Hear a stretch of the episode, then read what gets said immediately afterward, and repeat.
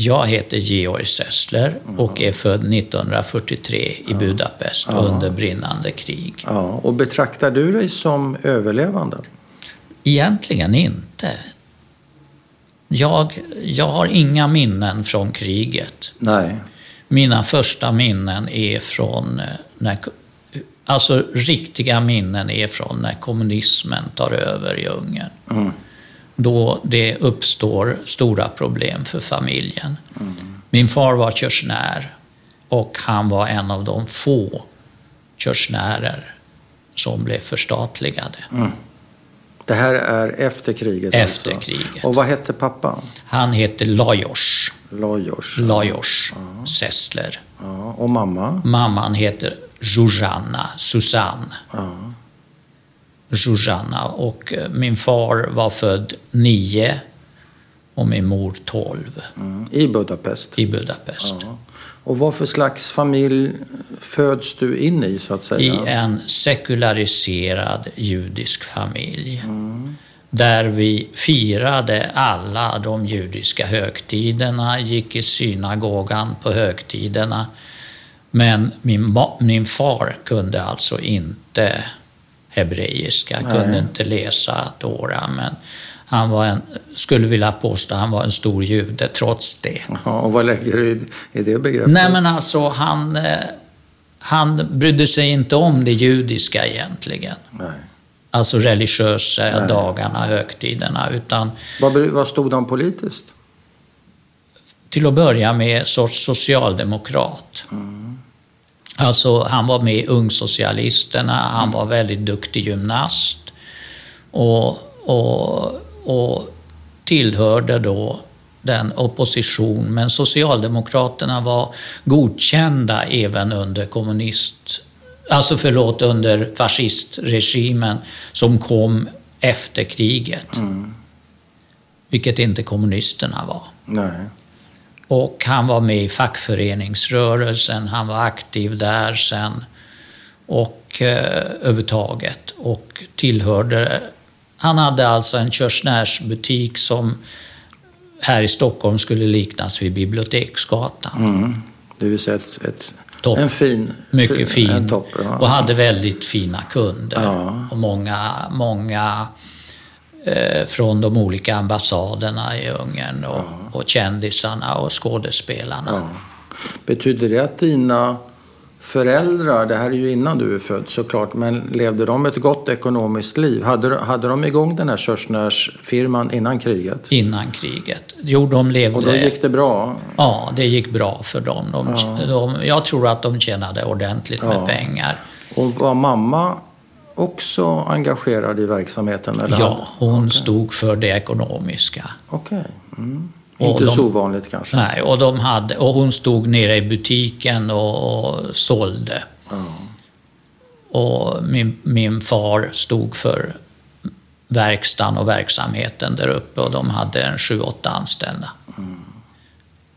Och eh, nej, de, jag tror de tjänade bra med pengar. Och även efter kriget, omedelbart efter kriget hade de det bra också. Ända till förstatligandet. Mm. Och kom det 56 eller kom det tidigare? Nej, det kom 48 eller Så, 49. tid, så tidigt, ja. Ja. ja. Och jag kommer ihåg att, eh, jag kommer ihåg att eh, jag hade ju en Mogen David, Mm, Davidsstjärna. Ja. eh, Davidsstjärna på halsen i en kedja. Ja. Och rektorn talade om för min mamma att det var nog bäst att, att ta bort den. Ja. Han var själv överlevare från Auschwitz. Oj, rektorn. Ja, Med en tatuering på armen. ja Och han varnade, det var i all välmening kan i man säga. all då. välmening. Och så talar de om också lite senare, någon talade om att säg ingenting inför Georg för han berättar alltid. Ja. ja, hur gammal var du då? då? Jag vet inte riktigt hur gammal jag var, men eh, Men du höll inte på hemligheter? nej. Jag visste inte vad som var hemligheter och inte var hemligheter då. Nej, du berättade allt. Och Men- sen levde vi kvar i Ungern till, fem, till 56. Ja. Och anledningen att vi lämnade Ungern, det var så här att min far träffade en av sina fackföreningskompisar i Budapest. Hon frågade, vill ni fly så kan jag hjälpa er. Hon hade hela organisationen klar, 56. Mot, mot betalning. Mot betalning. Och eh, då sa min bror omedelbart, jag sticker. Så det var dagen efter, så ingen betänkande. Han hade en eh, studentkompis hemma hos sig och han vågade inte ringa till sin mamma Nej. med rädsla för att det avlyssnades eller gjordes någonting. Så han flydde också. Och eh, jag hade en... Och han hade inte någon familj, far, din farbror? Nej, min, min bror. Din bror är det här? Förlåt. Det här är min bror. Hur gammal är han? Han är då? 19 år Oj. och har precis tagit studenten. Och han drar dagen efter ni Han får drar frågan? dagen efter. Då är vi inne i slutet på november. Och man ins, ryssarna var tillbaka och de har redan egentligen övertagit makten eh, och slagit ner revolutionen. Och eh, han ville inte vara kvar i Ungern Nej. Med tanke på att han, han skulle börja en treårig militärutbildning. Det innebar att ett år militärutbildning och två, två års straffar, eller slavarbete Ja. för, för nationen. Aha. Och med oerhört penalism och alltihopa. Och han var lite, vad ska vi säga, inte fet men lite stabbig, var inte sportig alls. Mig skulle inte ha spelat någon roll, men för honom tror jag skulle ha varit plågsamt att göra den militärtjänsten. Så han lämnar dagen efter med sin rumskompis. Han, alltså, var en kompis som var hemma hos honom bara. Oj, som Alltså bara en var student hemma, som till, var hemma, hemma och, och av en tillfällighet. tillfällighet. Och han hänger på utan Han- att meddela någon. Ja, då förstår du regimens kraft ja. och vad man, hur man såg på kommunismen och, och den maktapparat som Och fanns ni bakom. då? När kom ni efter? Och, och så åker han till, eh, och redan, vad ska vi säga, 48 timmar senare kommer det ett telegram ifrån Wien. Ja. Gagers har kommit fram. Ja, Det här var min eh, interna namn på honom. ja smeknamn. Ja, någon sorts smeknamn. Och det är ingen annan som kände till det, så det Nej, är så omöjligt att, att någon skulle kunna skicka telegrammet. Aha. Och han befann sig hos min eh, eh, morfars bror som bodde i Wien. Och sen så påstår mina föräldrar att det är huvudsakligen jag som får dem att lämna Ungern en vecka senare. Ja, nämligen? Det var nämligen så att jag säger att jag kommer bli liksom, eh, vad heter det, ringar här kring, eh, Tidningslockare, Pejes? ja precis, Aha. och blir en gammal jude innan jag får se min bror igen. Nu hade vi ingen bra kontakt överhuvudtaget, men jag, de påstår att jag sa det. Ja. Och sen så kom det rapport om att på krogen runt hörnet, där börjar man diskutera att det är judarnas fel igen. Ja, okej. Allting var judarnas Ja. fel. Det är en väldigt enkel lösning på alla problem. Ja. Och då beslöt sig min far, nej vi lämnar Ungern. Du sa att du och brorsan hade inte någon eh, bra kontakt. Varför hade ni inte det? För det första var han sex år äldre. Ja, Han var jätteduktig i skolan, Jaha. vilket inte jag var. nej, Och jag gillade sport, han visste inte vad sport var för något. nej. Så ni var lite olika? Vi var helt olika och jag var bara pain in the ass för honom tyckte han. Jag Hur fick inte det leka då, med hans grejer. Jag När ni fick... blev vuxna då, fick ni bra kontakt då? vi har, idag har vi mycket bra kontakt och, och, och, och vi fungerar väldigt bra ihop. Ja, trots era tidigare Ja, olikheter. men det kom inte förrän nästan i vuxen ålder. Och han bor också i Stockholm. Han bor här i Stockholm också. Hur ska vi berätta din krigshistoria eftersom den är, har, utspelar sig ju eh, till stor del innan du är född och till viss del innan du har något eh, eget minne. Så att, hur gör vi? Jo, alltså vad jag förstår, när kriget kommer så blir vi ju självklart som alla andra judar tvingade att lämna vårt hem. Mm. Är det här saker som mamma och pappa har Ja, berättat för ja, dig nu då? ja. Okej. Så det här är 39? Nej, oh, Nej, nej. Mycket, 44, mycket. Det här är förlåt. 44. alltså förlåt. fram Det till... kriget, ja. ja. Alltså vad jag inte förstod. Min pappa är med när jag förlöses, 43. ja. Ändå tjänstgjorde han som arbetssoldat från 42 redan. Men han kunde, I åka, perioder. han kunde åka hem alltså? När han var i Budapest Han var i omgivning. Budapest, ja. Och du vet, jag vet inte om han betalade något till Nej. befälen och så fick han lämna, fick nattpermission. Och eh, livet pågick i Budapest nästan ganska normalt fram Ja. till 44, Ja. till ockupationen. ja. Och vad hände då? Pälsaffären fungerade med folk som, alltså arbets... De som arbetade var kvar där och min mor var kvar. Och eh, min far tjänstgjorde som eh, arbetssoldat i korta perioder på olika ställen. Han, han tillhörde de lyckliga som inte tvingades att följa med armén till Ryssland. Men kunde han kombinera det med att sköta verksamheten? det kunde gjorde han hans inte. anställda och mamma? Det gjorde hans anställda och mamma. Okej.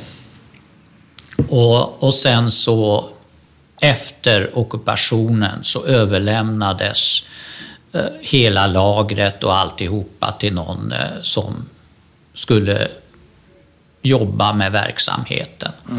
Då tvingades alla sälja och man fick, inte, ja, fick nästan ingenting för sin Nej. verksamhet.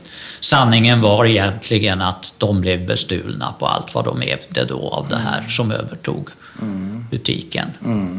Och var det någon som de kände? Ja, det var det.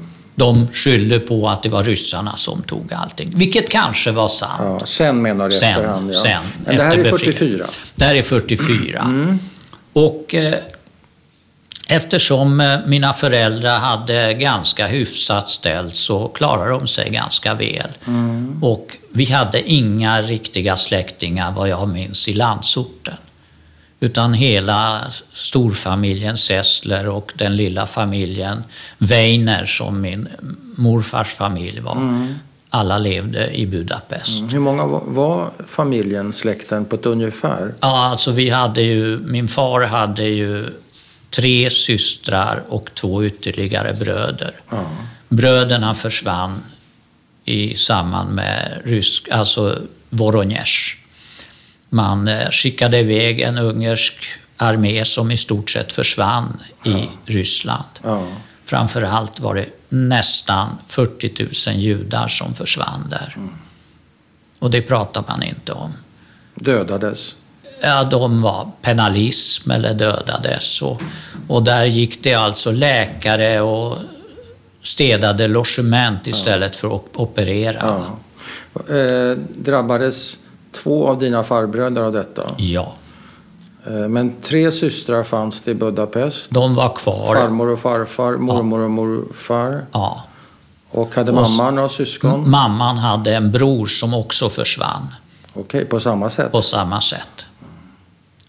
Ingen vet på vad sätt. Och har, de har aldrig kommit till rätta? Nej, det har de inte. Men, men ni är samlade där och när du säger att ni inte hade direkt någon släkt i landsorten, det är väl för att poängtera att de deporterades ju? De deporterades. Ja, det, det gjorde ju inte... Men alltså ta exempelvis min far betalade en av sina systrar Ja. att bo vid Balatonsjön på en semesterort tillsammans med sin man. Ja, Så, så de klarade sig långt in under 44. ja, Eh, Och denna man eh, som var gift med systern, han försvann under dödsmarscherna.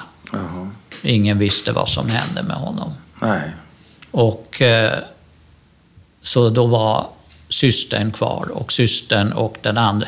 Ena systern jobbade åt, åt SS med att sy kläder. Ja, Och så tyckte hon, vad fasen ska jag stå här och slava? Så Ja. hon sa att hon var sjuk. ja.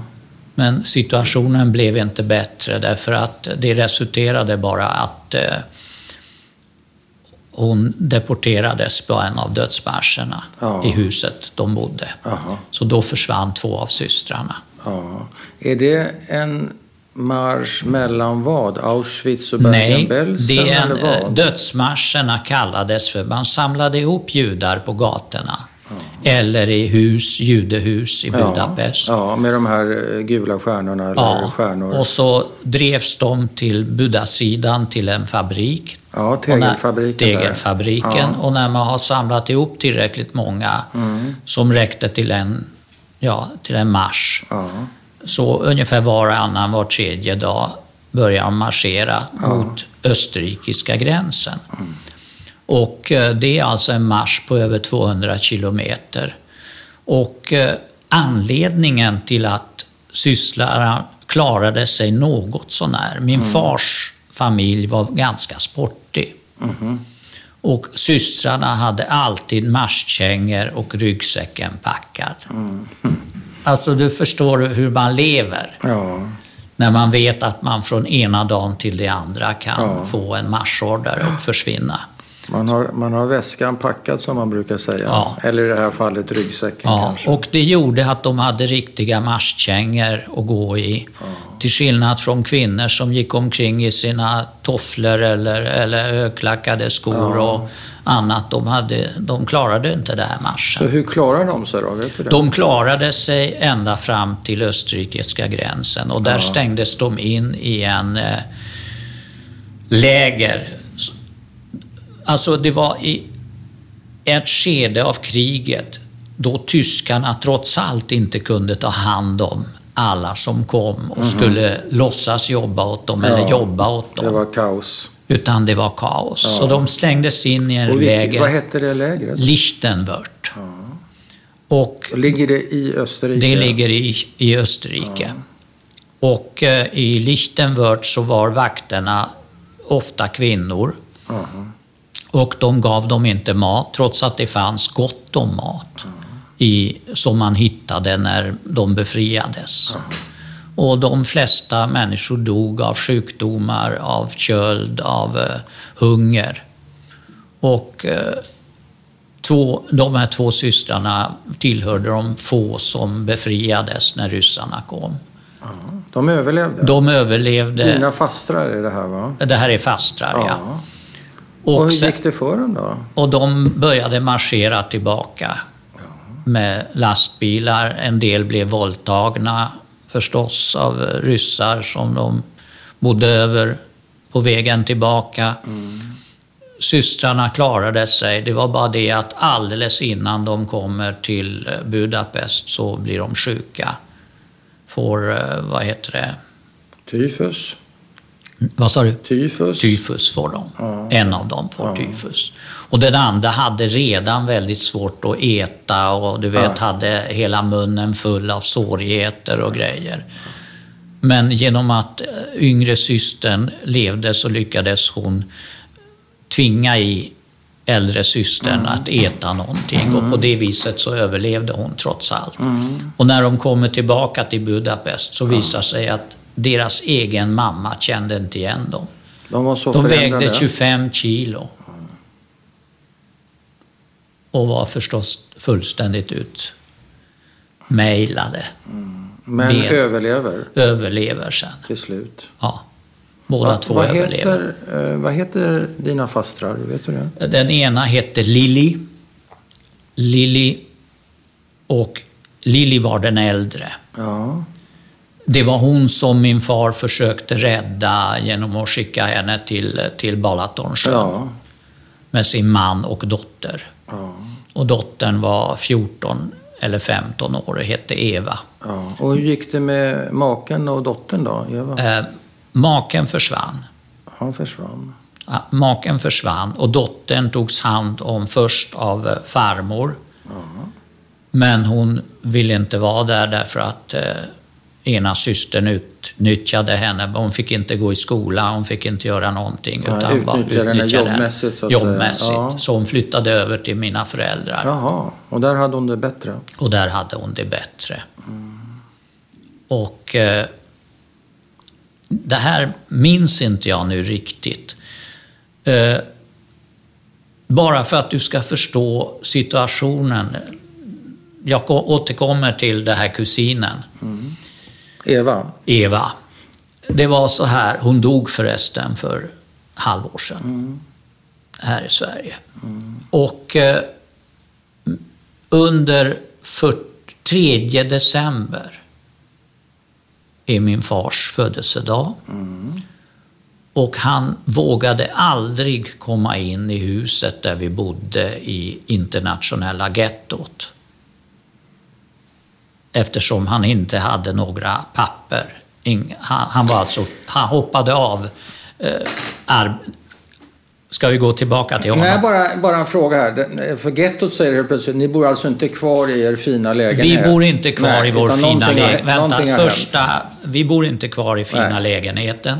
Från fina lägenheten flyttas vi, alltså min mor, jag, min bror och så har, vi en, har de tagit hand om en judisk flykting. Mm som fungerar som, från Holland, mm. som fungerar som barnflicka för oss, för, jag, för jag som var liten. Och eh, de flyttar in hos min mormor och morfar. I gettot? In, nej, i nej. innerstan till okay. att börja med. Till att börja med dit, ja. Och även därifrån är man alltså sen tvingad att mm. flytta vidare och då hamnar de i internationella gettot. Okay. Och din pappa har ju varit eh, på arbetstjänst. Han är, han är i arbetstjänst någonstans uh, i nuvarande Ukraina. Ja. Men eh, någonstans gränsen till Rumänien, ja, alltså i han, Rumänien. Han vågar inte besöka er när, när han är i Budapest? Eh, jo, han, alltså han gör, och då börjar när ryssarna kommer, så drar sig militären tillbaka mot mm. Budapest, mm. mot Ungern. Mm. Och då har min mor lyckats skaffa eh, svensk, alltså eh, skyddspass till min mm. far. Mm. Och från, från svenska legationen? Från svenska legationen. Wallenberg helt ja. enkelt. Och då är det tio personer i den här eh, gruppen av judar som är på väg, som har skyddspass. Mm. Och de ska återvända till Budapest. De andra skickas raka vägen, till, raka vägen till österrikiska gränsen mm. och hamnar där. Mm. Och, Så eh, han klarar sig den gången? Ja, alltså, men tack vare de det. är på väg då tillbaka och ja. min far säger i gränsen till Budapest, jag går ingenstans där man samlar judar. Så jag lämnar er nu. Ja. Och så tar han sig tillbaka till Budapest, ensam. Och min mor blir förbannad när hon får, får reda på att, eh, att eh, han inte har några papper och han tänker inte infinna sig på det här eh, arbetskompaniet som eh, sorterar under Wallenberg. Han säger jag går ingenstans. Men till sist så, så gör de det. Han har inga papper. Och, eh, det, och, och så är de på väg till kompaniet. Och min, mor, min far var väldigt försiktig. Mm. De gick aldrig tillsammans på gatorna. Utan de hade 30, 40, 50 meter sinsemellan alltid. Oj. När de förflyttade sig. Så de går inte tillsammans. Nej. Och eh, på, jag tror att det heter Arenagatan, Arena, Are, Arena Utsa. Mm. Är det en militärförläggning och där utanför så står det militärer. Vad gör du här? Mm. Frågar om din pappa? Frågar om min pappa. Mm. Och så tar de honom. Mm. Och då springer min mamma bara något kvarter till det här arbetskompaniet. Därifrån det kommer en officerare. Och eh, de är klädda i uniform också. Mm. Och så går han fram, kommer tillbaka där min far är och lyckas hitta honom utanför förläggningen. Och skäller ut honom. Vad i helvete gör du? Vad, vad håller du på med? Ja. jag skulle ut och köpa äpplen, säger min far. Ja. Och så blir han örfilad inför de här vanliga militären. Han blir släppt den gången. Sen så visar sig att eh, det här arbetskompaniet hotas av eh, pilkorsare eller av några. De, ska, mm. de tycker att de, de klarar sig för bra. Mm. Och då lämnar min far arbetskompaniet i alla fall. Mm. Och börjar och får och börjar jobba åt spanska Röda Korset. Mm.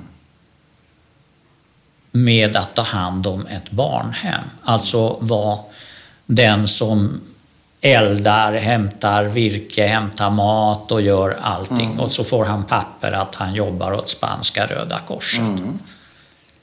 Och det, det håller han på med i några veckor. Och där är min bror på dagarna också tillsammans med det här, eh, vad heter det, flyktingen mm. som heter Anna. Mm. Så hon är där. Hon från Holland? Ja. Mm. Och eh, sen kommer, sen kommer pilkorsarna och tar det här hemmet mm. och tvingar dem därifrån. Och då hoppar min far ut från andra våningen. Han har alltså, så som han tänker så är jag övertygad om att han hade i förväg sett flyktvägen om det här skulle uppstå. Och din bror, vad hände med honom? Min bror eh, lyckas komma undan med det här eh, tanten som hjälper oss. Ja. Hon, de lyckades smita ut ur kön och på något sätt klara sig. Ja. Och en del av de här ungarna skjuts sen för att de inte kan gå tillräckligt fort. Och, och min far eh, är, springer till några militärer och säger att hjälp dem och så lyckas man frita en del av de här ungarna. Mm. Innan eh, de hamnar i gettot eller dödas för att de går för långsamt. Mm. Och eh, efter det så fortsätter min far bara flytta omkring på olika sätt. Mm. Och, och, vi har alltså... Eh, jag tror att det har med fackföreningsrörelsen att göra. Körsnärsfacket och kompisar som hjälper på olika sätt kristna. Mm. Min mor försöker överleva hos kristna vänner. Men, är inte hon i gettot? Nej, men eh, det här är kanske... Det här är, det här är efter gettot. De, när de har alltså hämtat alla från det här gettot. Man ja. upplöser ja. det här huset. Okay. Det är möjligt att jag har fel tids... Nej, det har jag inte. Nej. Det här är 3 december då de är i gettot, där ja. vi är samlade. Då har min bror istället för det här barnhemmet hamnat hos nunnor.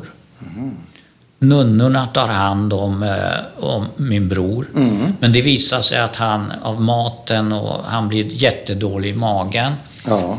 Och då hämtar min pappa honom. Okej. Kan han göra det?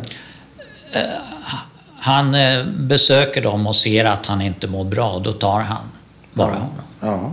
Trots nunnorna är skitförbannade och arga. Och, och skäller på honom. Du har ja. inga rättigheter och Nej. vi vet inte vem du är. Nej, ja, det bryr jag mig inte om, så han, säger han. Och så tvingar han iväg Mo, äh, Thomas därifrån. Ja. Och så är han då på hela, även jag är sjuk, så vi är sjuka den 3 december ja. i gettot. Ja. Och vad händer då? Och då kommer pilkorsare. Okay och ska ha iväg hela gänget ifrån huset. Ja. Och eh, min far, han säger till min mor, jag smiter. Men när de tittar ut genom fönstret så ser de att pilkorsledaren av de som mm. beordrar vad som ska ske mm. är en kund till dem. Okay. Han har en pälskrage på sin jacka som han har köpt som, hos... Som han har köpt hos min far. Och då säger min mor, försök att övertala honom. Ja. Jag försöker smita. Mm. Och så viker han ut kavajen med gula stjärnan på mm. och går visslande förbi kön och, och, bara hoppas på att ingen tilltalar honom mm. i kön. Fräckt. Och bara går förbi. Mm. Och det visar sig att alla männen drivs ner till Donau. Och de äldre, min mormor och morfar, de hamnar i stora gettot. Och, och, och likaså. Eh, Och eh, min mor, det här eh, Men pil... vad händer nere vid Donau? Ja, de dödas, Skjuts? skjuts. Ja. Och det får de reda på genom att någon lyckas komma därifrån Ja. tillbaka. Okej. Alla männen hamnar där. Men hur klarar sig din mamma? Ja, min mamma lyckas övertala det här villkorsledaren, Han med pälskragen? han med pälskragen. Snälla, de är sjuka. Ja. Låt oss vara kvar här. Och då säger han, ni har en timme på er. Inom en timme är vi tillbaka och kommer att att ta allt som finns Ja. här. Ni måste försvinna härifrån. Och eh, då, när hon kommer ner på gatan, så möter hon en av väninnorna som är redan på väg till gettot, för hon kände till den här pilkorsaktionen. Ja. Bara hur allting går in i varann. Hon var körsnär. Hennes man var journalist på Pilkorstidningen. Var han fascist? Nej, det var han inte. Men det var därför han fick då jobb och det passade bättre att jobba där. Han har jobbat på en vänstertidning tidigare. Ja, Okej. Kommunisttidning. Jaha. Och eh, han visste om vad som hände i stan. Dessutom var han religiös, alltså kristen religiös. Hade gott om förbindelser med prästerskap och andra. Och eh, förmodligen så lämnade han information vad som skulle ske. Så Agnet, eller min, eh, min eh, mors och fars väninna kände till att de skulle få besök av pilkorsare. Och hon kom för att hämta mig. Och min mor överlämnar bara mig till honom, henne på gatan. Jag har svårt för han och hon. Ja, ja, Där okej. kommer min Nej. bakgrund in, invandrarbakgrund, din språkbakgrund. Ja, ja, det är ingen fara. Så hon tar Inte när, om... hon tar hand Hon tar om hand mig. om ja. Och jag är då cirka, det här är då 44 i december. Ja, Så jag är nå- ett och ett halvt år ja. ungefär. Det här har du inget minne av? Nej. Nej. Och min mor är på väg tillbaka till, till nunnorna med min bror. Jaha. Och på vägen så träffar hon en människa, en karl på gatan och så säger han, ni ska inte gå åt det hållet. De håller på att samla judar där. Oj. Min mor säger, vadå? Jag? Du, ser, du har sett bilder, hon ser Ja. ganska hyfsad ut. Ja, Men du vet, jag vet inte hur mycket du kan. Agneta brukar, min fru brukar aldrig förstå hur man kan påstå att den och den är jude eller den och den. Och jag säger att med en stor sannolikhet kan jag säga det. Och i Ungern var det ännu större sannolikhet. Så han, den här mannen ser att Hon är din mamma är judinna.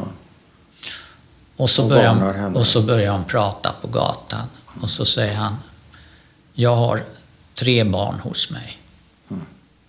Lämna din son till mig. Jag bor strax utanför centrala Budapest. Jag har ett litet hus. Jag har, jag har eh, grisar. Jag har vad heter, kycklingar och jag klarar mig.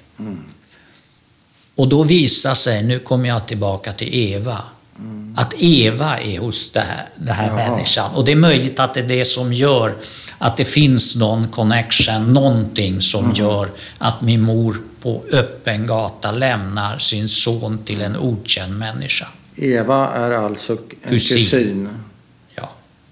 Till, Hon till finns redan till hos den här Ja, killen. ja. Och det kanske han berättar. Han berättar nog Ja, det. så det känns kanske ändå tryggt. ja. Och så hamnar min bror där. Ja. Och han blir helt chockad. Han slutar att prata och, överhuvudtaget. Oj. Han tycker det är märkligt att mamma, att man lämnar ifrån honom. Ja. Och, och eh, det är liksom... Så han blir stum? han blir stum i, i hela perioden som han är där. Oh. Och han är stum ungefär två veckor efter tills han har kommit tillbaka till mina föräldrar. Ja. Och hur lång tid är han där hos den här Eh, Alltså familjen? vid 3 december och Budapestsidan befrias art- 17, 18, 19 januari. Ja, en och en halv månad Ja. eller något sånt. Och det första min far gör hämtar mig Ja, och nästa grej som han gör det är hämta Thomas. Så i Thomas ögon är jag kvar hemma. nej. Och min mor får ju någon sorts nervsammanbrott förstås när sonen kommer tillbaka och vägrar prata och Ja. allt sånt där. Men hur, hur klarar sig mamma och pappa då under de här kritiska veckorna? Pappa, Det är ändå en månad vi pratar om Ja. drygt. pappan, efter ett tag så tar sig pappan in i huset där min farmor bor. Trots att alla judar är borta eh, på olika ställen. Min, anledningen att min farmor bor i ett helt vanligt hus beror på att min farfar var medaljerad under första världskriget. och soldat.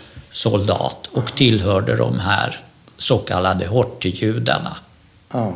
som alltså var undantagna. Och då behövde man inte ha någon gul stjärna. Då Nej, behövde man och- inte bo i något judehus och så nej, vidare. de var undantagna. Och det gällde även eh, hans medaljerade. då, Ja, din farmor. ja. Och, och hon fick vara i fred för grannar och sådär? Hon De- fick vara i fred för grannarna också. Och hon hade ju bott där hela sitt liv. Ja. Så, så, och du vet, det är det här som är så fruktansvärt med att få iväg alla judar från sina bostäder där de har Mm. bott. De har ju haft en relation till människor. Ja, det har man ju. Och den, de relationerna hjälper en Mm. att överleva i regel. Och i och med det att de fick flytta till nya hus så var inga kontakter kvar. Nej, nej. Och det visste bilkorsarna, det visste Eichmann, det visste hela systemet. Plus att du ju krympte ju hela tiden utrymmet, Rörelse. rörelseutrymmet. Precis. Det fysiska. Och ingen mat, ingenting. Jag menar Så min mor, en, eh, min mor överlever under den här perioden när hon inte är på internationella gettot. Aha. Hon vågar inte återvända dit. Nej. Hon eh, får av det här killen som jobbar hos bilkorsarna. V- Genom hans kontakter får hon en präst som hjälper henne till falska papper. Hon får alltså en falsk papper att hon är från... eh, Han som jobbar på tidningen? Ja. Eller vem? Mm. Ja, Och så får hon kontakt med en präst som ordnar falska papper? falska papper. Oj. Alltså Det kan inte ha kristna, varit ofarligt. kristna papper. Ja, ja, men det kan inte ha varit ofarligt nej, nej, för nej. prästen? nej, nej, nej. Wow. Nej, men det, det, det fanns alltså en stor tillverkning av falska Ja. papper. Eh, många judar sysslade med det också. Men under de här veckorna, Ja, under de här veckorna så är hon alltså boende hos en kristen kvinna, ja, med falska ensam papper? med ja. falska papper. Ja. Hon går varje morgon till jobbet. Aha. Fast hon inte har något? Hon har inget Nej. jobb, utan hon sysselsätter sig med, går till vänner, går till olika ställen.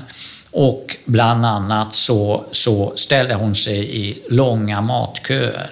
Aha. Där får hon reda på vad som händer, vad som finns. Men när det är dags att, att handla så måste hon ju försvinna, gå därifrån. Oj då, jag glömde mina pengar. Eller? Hon hade ju inga matkuponger, hon kunde inte handla. Men vad lever hon av då? Ja, hon fick hjälp av väninnor.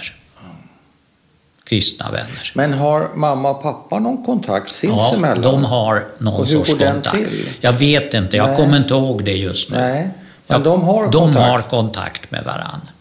Ja, ni- och min, ni- ja. ja, vi har alltså ytterligare en syster. Ja, Denna syster, jag skulle vilja säga, det är hon som hamnar i Sverige. Ja. Hon blir opererad av Oliverkrona. ja.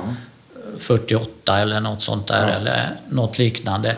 Men hon är lite, jag upplever, jag fick alltid höra att hon var lite bedragare, lite, okej. ja du vet, inte riktigt schysst person.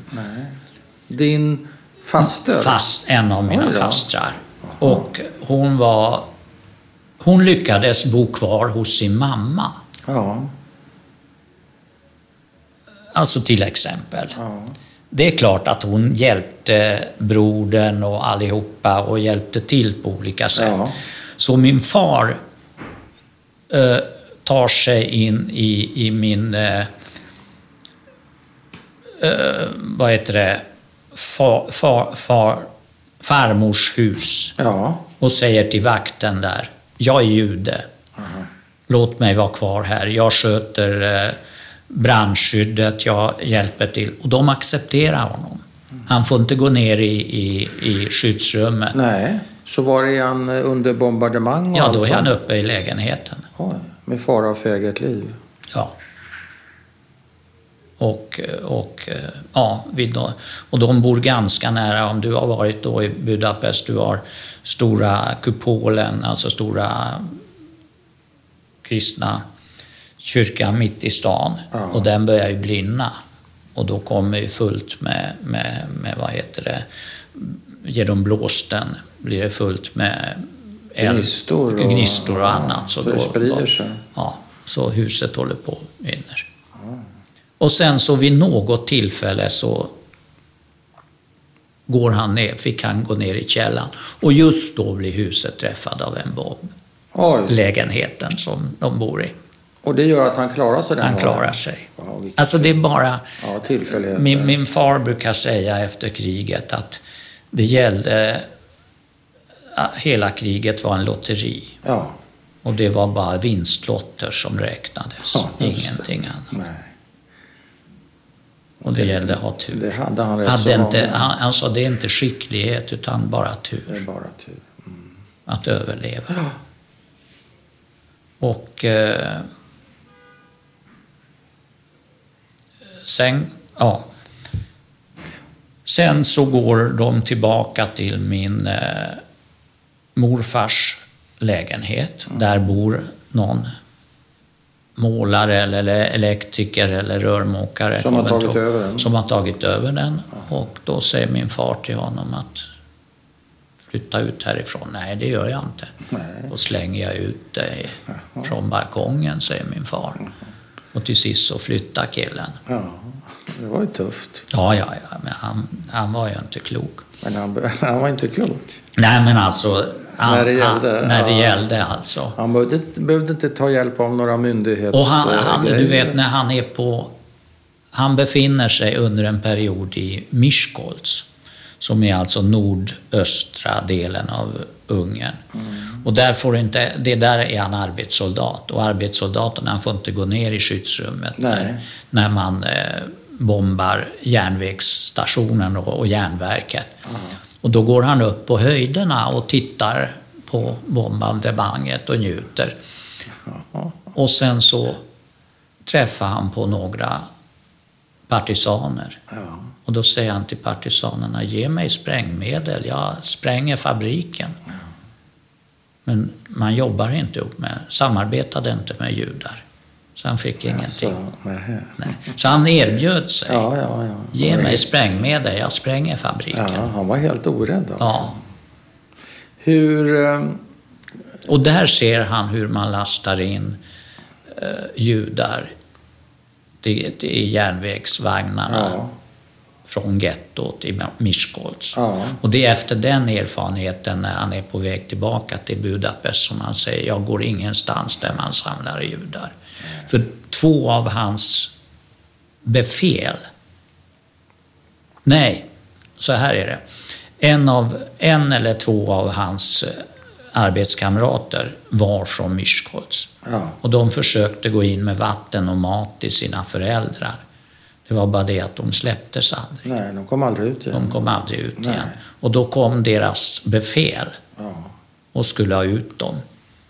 Och då sa militären, eller vilka det nu var, om det var SS eller om det var de här gendarmerna. Försvinner inte du så packar vi in dig i vagnarna också. Och efter det så vägrade han gå någonstans. Det var den erfarenheten som gjorde det. Vad vet du om hur eh, mamma och pappa upplevde freden och eh, hur det, hur det var för er? dig och brorsan?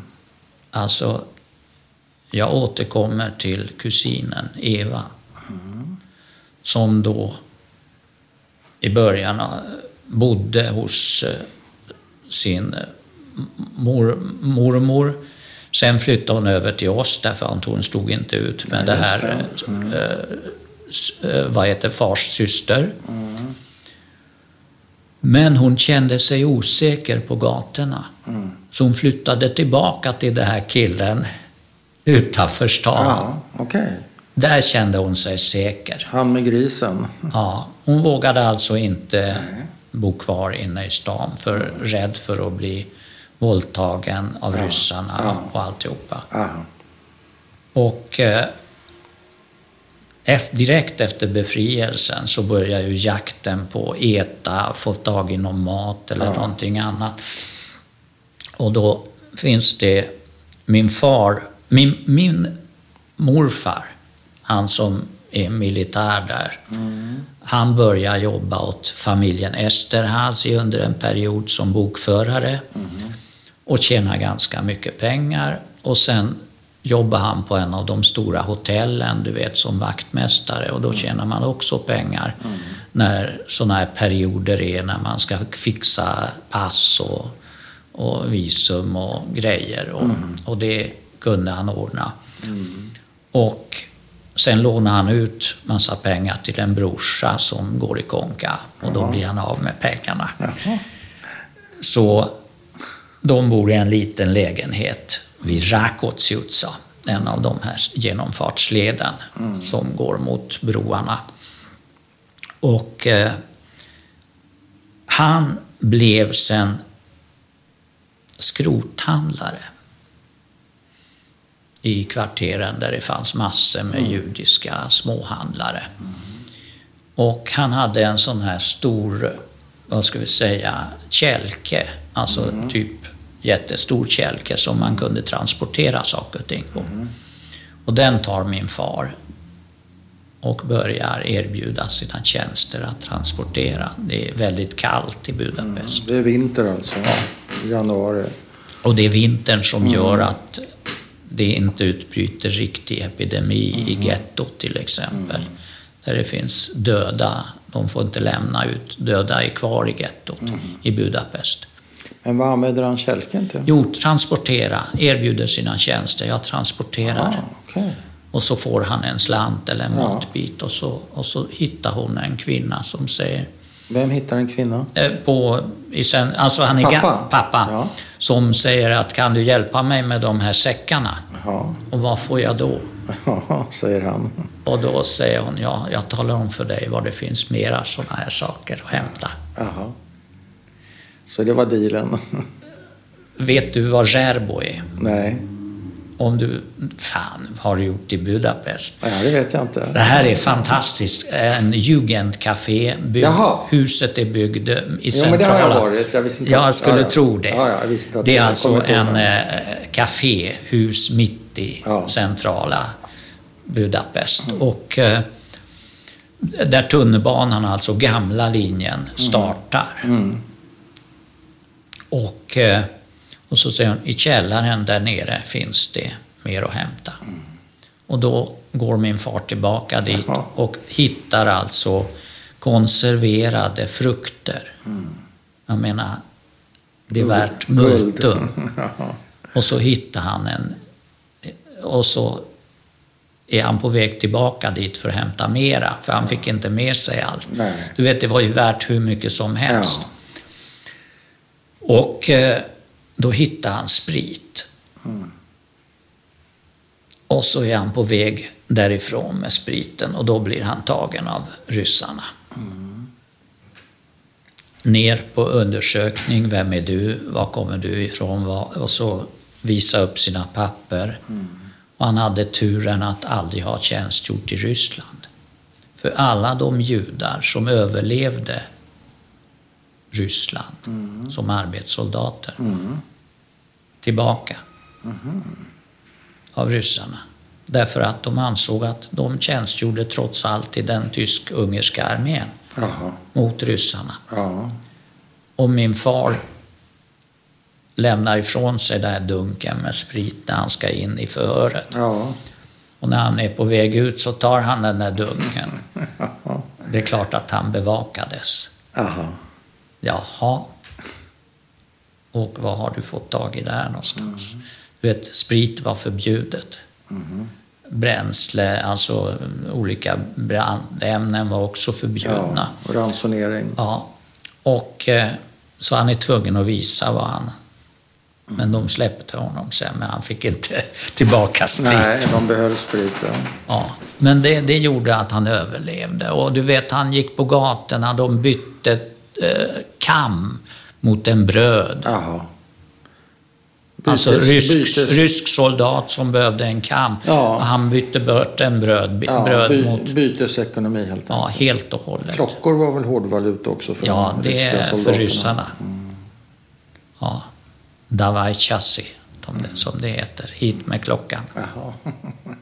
Det var en av de första orden jag lärde mig. Ja, eh, hörde du dina föräldrar någon gång värdera det eller jämföra det ryska förtrycket med det tyska förtrycket?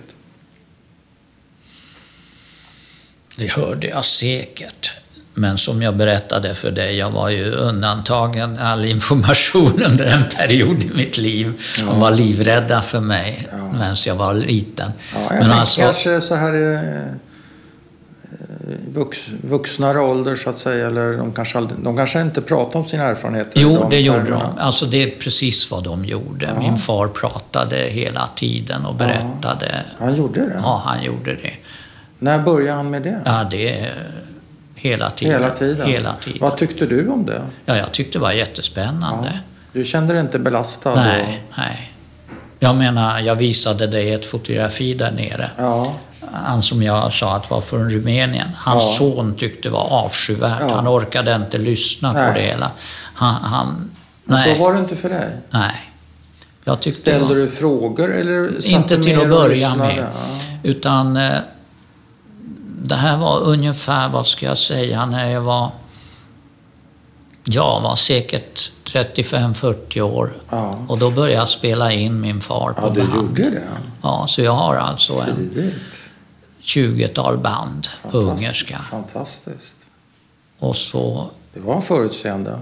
Ja, jag tyckte det var så spännande. Ja, han kanske var en god berättare. Ja, Precis, precis ja. som du. Vad skulle, om du skulle våga dig på en gissning, vad skulle du tro att pappa skulle ha svarat om jag frågar vad är förintelsens läxa? Var, Vad är förintelsens läxa? Vad skulle pappa svara på den frågan tror du? Ja, Eller skulle han vifta bort den som korkad? nej, absolut inte. Alltså jag, för det första hade han läst Mein Kampf. Så han visste vad tyskarna stod för. Och märkligt nog så var han med en av, eh, en av stora pälshandlarna i Leipzig och handlade skinn under när alltså tyskarna jagade iväg judar Oj. I Tyskland. Ja. Så var han ju där för att handla skinn därför att han var en framstående expert på mink. Ja, är det här 30, början av... vadå, Slutet 30 på 30-talet. Slutet på 30-talet? Oj. Alltså jag skulle tro 38. Ja, ja. Och han är där. Nej men alltså han hade inte mycket till övers för fascister och nazister och, Nej. och kommunister heller. Därför att vad som hände, det var att kommunisterna, när de övertog makten, de hade inte makt egentligen. De fick, det var bara ryssarna som Ja, ja. stödde dem. ja. Och då, för att få en större maktställning, så erbjöd de gamla fascister, militärer och andra, att ingå i kommunistpartiet Ja, och bli poliser där. Och, så, eh, alltså, halva maktapparaten var gamla fascister. Så det var intakt till en del alltså? Ja. Plus att... Ja, det, eh, det kördes med sån järnhand från toppen så de vågade inte göra så mycket. Men det var fullt med gamla fascister som, var, som återgick i, i polisens tjänst.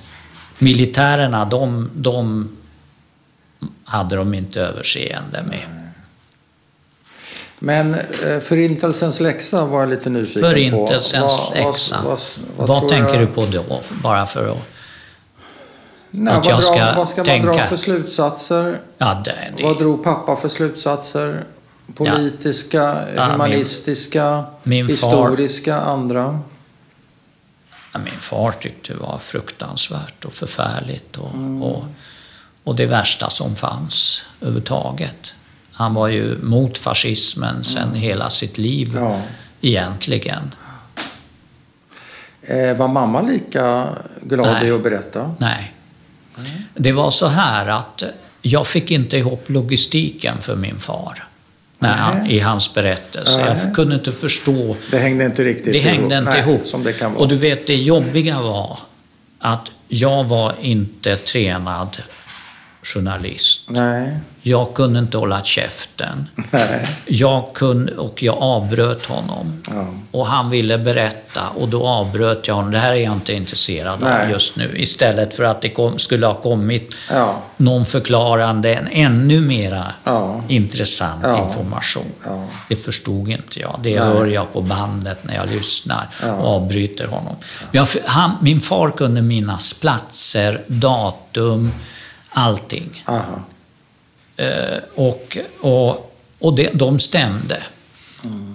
Och sen när jag skulle få ordning på det här så f- började jag fråga min mor. Hon mindes inte. Nej. Hon mindes inte tider, platser eller Nej. någonting. Och jag kan som exempel nämna där min mor besöker min far när, hon är, när han är arbetssoldat. Och hon släpps in i förlängningen där de ligger i samma slaf. Jag och, och, och jag tillverkas där. Ja, Det okej. är där jag blir till. I ett arbetsläger? I ett arbetsläger. Alltså arbetsläger. Eh, De, typ militär. Ja, en barack av förlägg- ja, någonting. ja. Och bredvid i sängen ligger min fars bästa kompis Jaha. vars fru är kristen. Ja. Som bland annat hjälpte min mor Ja. också väldigt mycket. Jaha. Så jag tillverkas då. Men det kommer mamma ihåg. Det kom mamma ihåg. Vad vad var det hon inte kom ihåg som Nej, hon kom ihåg vad det var. Hon kom inte ihåg vad det var någonstans, hur lång tid det tog att ta sig dit. Nej, okej. Jag frågade henne hur... Men kom hon ihåg dofter? Kom hon ihåg... Eh, man kan ju komma ihåg på så olika sätt. va? Ja, alltså du kan ju komma kom ihåg ihåg... linjärt, du säger datum, en front rör sig mot väster. Ja, det- Men sen kan man ju också komma ihåg ett te som man dricker någonstans. Nej, men hon berättade bland annat att hon, eh, när hon bodde då ensam med kristna papper Mm. hos den här kvinnan, hon var fruktansvärt hungrig. Mm. Och så smög hon ut i köket och knyckte. Hon sa det är det enda jag har knyckt hela mitt liv. En kycklingbit. Och så åt En hon den. Ja, en liten bit. Ja. Och sen fick hon så dåligt samvete så hon började spy. Nej. Hon hade ju inte ätit fett Nej, eller någonting nej. annat, inte vet jag. Så hon spydde upp Hon alltihop. spydde upp det. Ja. Det är ett fint, på sitt sätt ett fint minne kan man ju Ja, säga. Eller ett konkret minne. Fint Ja. kanske det inte är, det är ju hemskt. Men... Så hon kanske mindes lite andra grejer. Ja, jo, så här var det. När jag då började fråga henne så kom det i alla fall Ja. hennes historia Ja. fram. Hur hon klarade sig Ja. under den här perioden. Okej. Så från början hade jag bara tänkt skriva om min far. ja. och, Men du fick hennes berättelse och jag fick hennes undan för undan. berättelse. Ja. Hon, kunde, hon besökte till exempel gettot. Ja. Stora gettot där min mormor och morfar var. Hon, var, alltså hon sa, jag har inget att förlora. Nej, Hon var också orädd kanske. Ja, på sitt Båda sätt var hon kanske. det Eller? också. Ja. Så då hon målade upp sig och, och Ja. gick till gettot och sa, vad ska ni göra här? Ja. Jo, det är några jävla judar som är, jag är från Skatteverket och, och jag ska ta reda på någonting. De ska finnas här. De släppte in henne. Hon hade ju kristna papper. Hon var ju lika fräck hon. Ja, och målade sig, Ja. berättade, målade sig. Ja. Och det roliga var, alltså det, det är konstigt, min bror minns ingenting. Nej. Alltså, vi pratade häromdagen och så berättade han, jag försökte komma ihåg vad de olika grannarna som bodde i huset. Han var sex år äldre än jag. Va? Jag sa, du minns fel. Nej. De och de hade kommunistdiktaturen redan fått iväg. Aha. De bodde inte kvar. Nej, du har tagit reda på det Nej, nej, dina- men jag, jag har alltså ett minne som gör minne- att jag minns Jaha, det. är efter kriget här, Ja. alltså, innan 56. Okej. Ja. Du kommer ihåg? Och, och jag kommer ihåg att i lådan där det här judiska, alltså där Davidstjärnan är som jag har kvar här. Eh, Jag förstår inte hur den kom, hamnade här. Förstår Inte? du? Det vet du inte? Nej, det vet jag inte. Men vet du att det är ditt, din Nej, det stjärna? vet jag Nej. inte. Jag kommer ihåg att i min mors rum, Ja. i en av hyllorna, fanns ett par blåa glasögon, sådana här solglasögon. Jaha. Och det berättade hon att det hade hon på sig när hon gick in i gettot. Så att antagligen inte ögonen ska synas, alltså att hon var nervös trots allt bru, brunögd. Ja, eller kanske nervös Ja, eller rädd ja, eller någonting. Ja. Ja, Och det minns jag. Och där fanns också i lådan det här judestjärnan. Varför är det viktigt för dig att komma ihåg, tror du? Och dokumentera och eh, fotografera och skriva och så vidare? Alltså jag kom Vad underfund ska du göra med... med alla de här minnena, tänker du?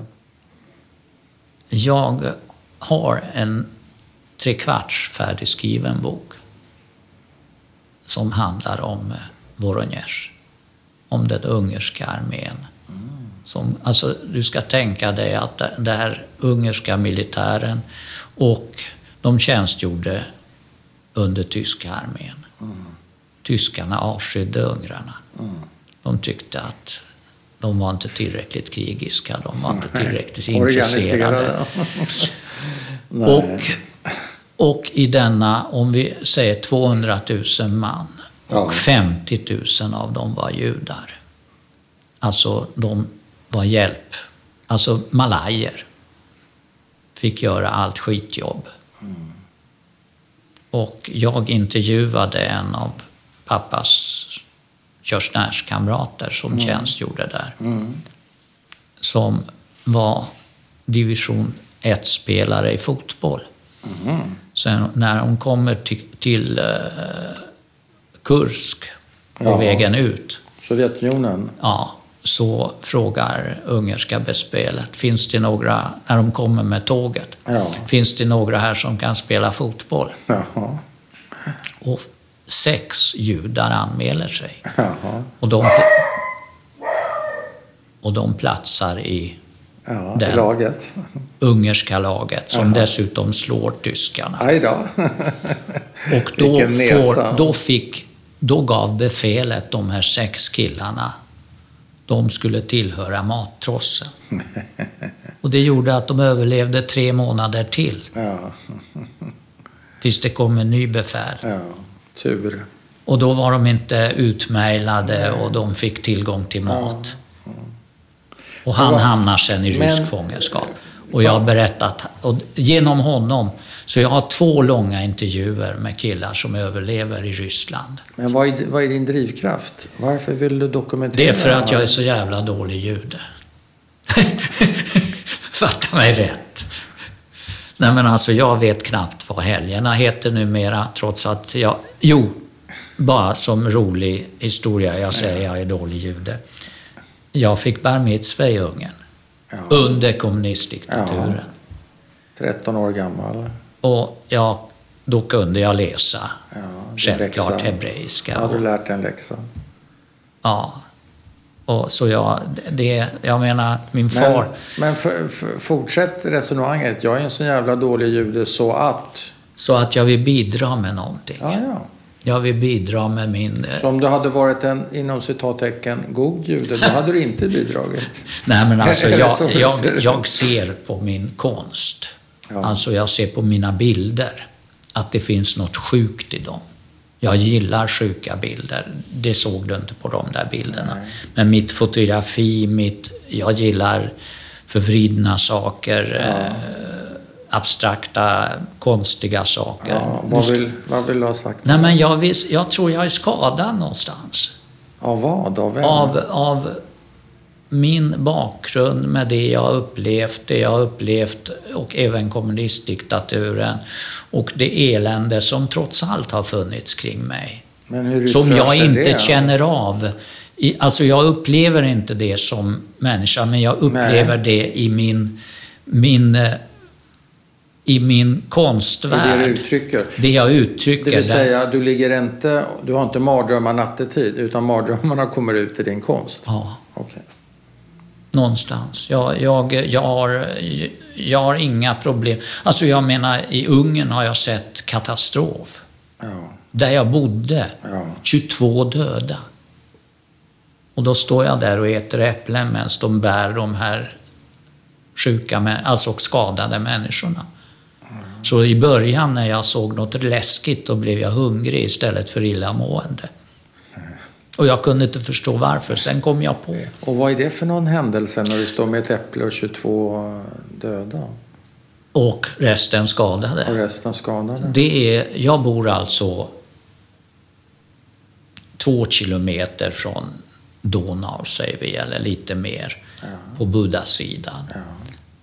Mosskvarter eller... eh, nej, det vet inte du vad det är. Nej. Alltså, där Gamla stan är en aning utåt mot grönområdet. Ja. Hur gammal är du nu? Alltså den här, det du ska berätta när du står med äpplet? Tio. Ja, Okej, tio. 10-11 år högst.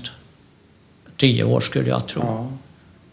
Och vad var det som Och hände? då var det alltså från oss uppåt bergen. Du ser utsiktsplats på Buddha-sidan, 500 meter upp. Dit upp gick det bussar. Söndag då drog sig Budapest befolkning ut i grönområdena och njöt. Och sen så eh, en av bussförarna säger mina bromsar är dåliga. Ja. Ja, det förstår du väl att du inte kan lämna alla de här människorna här. Nej. Utan kör försiktigt. Jaha. Och du vet, sista sträckan, nästan en kilometer, går rakt ner. Ja. Ja, i den här lutningen. ja. Och inga bromsar? Och sista du har, det är en liten S-kurva. Ja. Och där brakar han in i spårvagnshållplatsen som var alltså en järnkåk i den här storleken. Ja. och krossar hela bussen. Han försöker säga åt människorna, jag har inga bromsar, lägg er ner. ja. Fina sommarkläder, det är ingen som gör det. Nej. Det kanske inte hade hjälpt heller, man vet. Något. Något. Och du står där Nej, jag står inte där, men Nej. du hör världens smäll. Jag, Okej. bor, jag bor alltså 150-200 meter Ja. därifrån. Ja, springer du dit? Ja, alla går ju ut. Alla går ju ut och tittar vad det är som har hänt. Och, och vad heter det? Vaktmästaren i huset, han börjar bära lik och, och, och sjuka. Och, och så bor vi ungefär ja, högst en kilometer från sjukhuset. Som än idag ser likadan ut som på den tiden. Ja. Det har inte hänt någonting. Nej. Men tror du... Det, det, det här är ju en läskig händelse i sig. Men gör du någon koppling till eh, kriget och dina föräldrars krigserfarenheter? Och, Alltså och mina- så? min Eller far hade- Lagras det liksom saker Jag tror, i att, dig? jag eller? tror att det lagras. Ja, du tror det? Jag tror att det lagras. Jag tror att, att det som har hänt judiska folket, Ja. det som hände överhuvudtaget i Ja. Ungern. Alltså, det som händer i... Jag får nu tårar i ögonen.